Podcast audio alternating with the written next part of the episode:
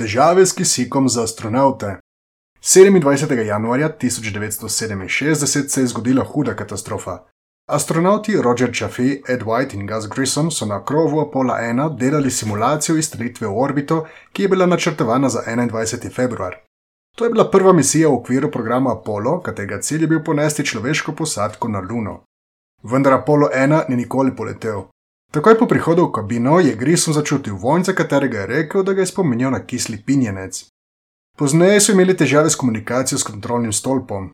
Odštevanje do simulirane strelitve je bilo tako kar dvakrat začasno prekinjeno do 18:30 po lokalnem času. Le minuto po ponovnem začetku odštevanja pa se je zaslišal Grissomov krik: Hej, ogen! Kričanje astronautov je prenehalo 20 sekund pozneje. Čeprav je bila na prizorišče nemudoma poslana reševalna ekipa, pa ta iz različnih razlogov ni mogla takoj do astronautov. Med drugim je zračni tlak v kabini zaradi požara narastel na skoraj dve atmosferi, kar je začasno onemogočilo odpiranje vhodne lopute. Poznejša analiza je pokazala več vzrokov, ki so skupaj vodili do tragedije. Zaradi napak na električni napeljavi naj bi se v kabini pojavile iskre. To pa je bilo usodno iz še enega razloga. Po zaprtju lopute so v zraku kabini, v kateri so se nahajali astronauti, zamenjali s 100-odstotnim kisikom pri tlaku 115 kPa, kar je 14 kPa več od tlaka v morski gladini. To pa pomeni, da je bil tlak kisika kar petkrat večji od delnega tlaka kisika v atmosferi, kar je ustvarilo okolje, kjer so popolnoma običajni materiali postali izjemno unetljivi. Obstajala sta dva razloga za povišen tlak v kabini. Visok tlak je bil nujen zato, da se začetno atmosfero zamenja s čistim kisikom, obenem pa je bila loputa kabine narejena tako, da je ravno tlačna razlika med zunanjim tlakom in tistim v kabini povzročila, da je loputa do dobra zapečatila. Načrtovano je bilo, da bi se med izstrelitvijo tlak v kabini zmanjšal na 34 kPa, kar bi astronautom omogočalo normalno dihanje, pri čemer pa bi nevarnost požara praktično izginila. Razlogov, zakaj se je NASA odločila za atmosfero iz 100-odstotnega kisika, je več. Ljudje namreč zlahka dihamo čisti kisik pri tlaku 34 kPa, kar je sicer primerljivo z atmosferskim tlakom na nadmorski višini 8300 metrov. Nižji tlak v kabini pomeni tudi manjšo tlačno razliko med notranjostjo in zunanjostjo vesolskega plovila v vakumu. Odsotnost dušika pomembno zmanjša nevarnost zaradi dekompresijske bolezni. Do te lahko prije v primeru nenadnega znižanja tlaka, pri čemer se dušik v krvi izloči v obliki mehurčkov, kar povzroči bolečine v sklepih in kosteh, v hujših primerih pa tudi paralizo in smrt. Obstajal pa je še en razlog. V preteklosti je namreč NASA načrtovala drugačno zasnovo, po kateri naj bi bila kabina napolnjena z mešanico kisika in dušika, kar bi zmanjšalo nevarnost požara, obenem pa bi astronauti, oblečeni v skafandre, dihali čisti kisik. Tlak v kabini bi bil višji od tistega, ki bi ga dihali astronauti. Ta tlačna razlika pa je 21. aprila 1960 med testiranjem kabine sonde Mercury povzročila uhajanje dušika v skafander testnega pilota Norta, kar je vodilo do zmanjšane koncentracije kisika, ki ga je pilot dihal, pri čemer bi leta skoraj da umrl. Naseni strokovnjaki so tako ocenili, da je 100-odstotni kisik varnejši. Temu jih je napeljevalo tudi dejstvo, da v breztežnosti ni konvekcije, zaradi česa se ogenj, ki bi se biti pojavil v kabini, ne bi usodno razširil.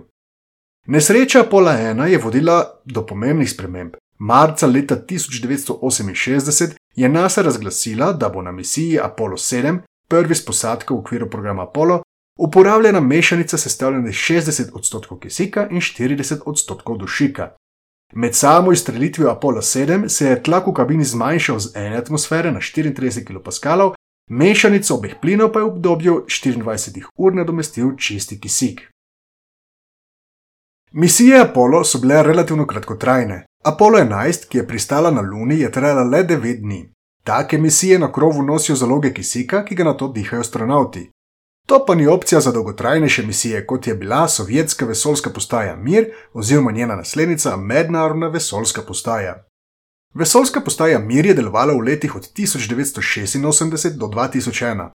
Astronauti na njej so dihali zrak, ki je bil po sestavi zelo podoben zemljini atmosferi, tlak v miru pa je bil enak tistemu na morski gladini. Za kvaliteto zraka sta skrbela dva sistema. Elektron je proizvajal kisik z elektrolizo vode. To je proces, ko pri prisotnosti enosmernega električnega toka molekule vode razpadajo na kisik in vodik. Vodik je na to bil odvržen v vesolje, kisik pa je bil preusmerjen v notranjost postaje. V primeru, da bi elektron zatajil, je bil na voljo sistem Vika. To so bile nekakšne pločevinke, v katerih je bilo shranjenega pol liter litijevega perklorata ter posebna zažigalna snov. Ko se je ta snov vnela, se je iz pločevinke sproščal kisik. Vsaka pločevinka je gorela od 5 do 20 minut pri temperaturi med 450 do 500 stopinj Celzija, pri čemer se je sprostilo 600 litrov molekularnega kisika, kar je enemu astronautu zadoščalo za 24 ur. Sistem Vika so na miru uporabljali, ko so na njem bivali več kot tri astronauti. Še en sistem, imenovan Vazduh, je na postaji Mir iz zraka odstranjeval ugljikov dioksid. Ni odveč, če povemo, da sta tako elektron kot Vika večkrat odpovedala. Tako je februarja 1997 ena od pločevink povzročila požar, ki je gorel okrog 14 minut, pri čemer je ogenj blokiral zasilni izhod v plovilo Sojuz. Kljub vsemu se tako elektron kot Visa danes uporabljata kot vir kisika na mednarodni vesoljski postaji in sicer v ruskem modulu Zvezda. Danes se veliko govori o bodočih misijah na Luno ter Mars. Pred kratkim je velik odziv javnosti sprožila novica, da naj bi bodoči prebivalci našega naravnega satelita kisik pridelovali lokalno in sicer kar iz lunenega regolita. Regolit je najbolj zgornja plast materijala, ki se nalaga na površini kamnin. Na Zemlji se tvori kot posledica preperevanja skalne podlage zaradi izpostavljenosti vremenskim razmeram. Na telesih brez ozračja, kot je naprimer Luna, regolit nastane zaradi izpostavljenosti pacem majhnih in velikih meteoritov.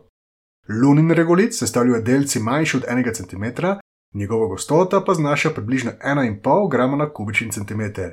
Sestavljajo ga različni oksidi: železo, mangano, magnezijev, kalcijev, titanijev, kromov in tako dalje. Po teži kar 40 do 45 odstotkov lunenega regolita predstavlja kisik. Nekatere študije so pokazale, da bi količina kisika v lunenem regolitu 8 milijardam ljudem zadostovala za 100 tisoč let. Evropska vesoljska agencija je že naredila prve korake v smeri pridobivanja kisika iz lunenega regolita. Pri tem so uporabili snov, ki je po kemični sestavi podobna lunenemu regolitu in jo ob prisotnosti kalcijevega klorida segreli na 950 stopinj Celzija. Kalcijev klorid se je pri tem stalil, medtem ko je regolit ostal v trdnem agregatskem stanju. Ko so na to skozi to mešanico spustili električni tok, se je sproščal kisik. Kar 75 odstotkov vsega kisika se je sprostilo v prvih 15 urah, po pretečenih 50 urah pa se je sprostilo kar 96 odstotkov tega plina. Še ena dobra plat pridobivanja kisika iz regolita je, da je na ta način možno pridobiti tudi kovine, ki se nahajajo v regolitu. Tako podjetje Metallisis že uporablja skoraj identično metodo za komercialno proizvodnjo kovin in zlitin. Tudi na Marsu so bili že narejeni prvi koraki v smeri pridobivanja kisika. Znanstvenikom je uspelo z eksperimentom MOXI na krovu roverja Perseverance pridobiti kisik iz oglikovega dioksida. Slednji predstavlja kar 96 odstotkov Marsovega ozračja. MOXI je med prvim poskusom proizvedel 5 gramov kisika, kar povprečni osebi zadošča za 10 minut. Pozneje je MOXI že proizvajal 10 gramov kisika na uro. Obstajajo pa tudi načrti za prebivanje kisika iz Marsovega regolita, konkretno iz magnezijevega perklorata v prisotnosti zelo koncentrirane slanice, ki lahko ostane v tekočem agregatnem stanju pri temperaturah do minus 70 stopinj Celzija, kar je 7 stopinj Celzija hladneje od povprečne temperature na rdečem planetu. Raziskovalci z Univerze Washington so tako že razvili sistem, ki bo morda nekoč bodočim obiskovalcem rdečega planeta omogočil dihanje. Pokazali so, da njihov sistem lahko ob isti porabi energije proizvede 25krat več kisika kot MOXI.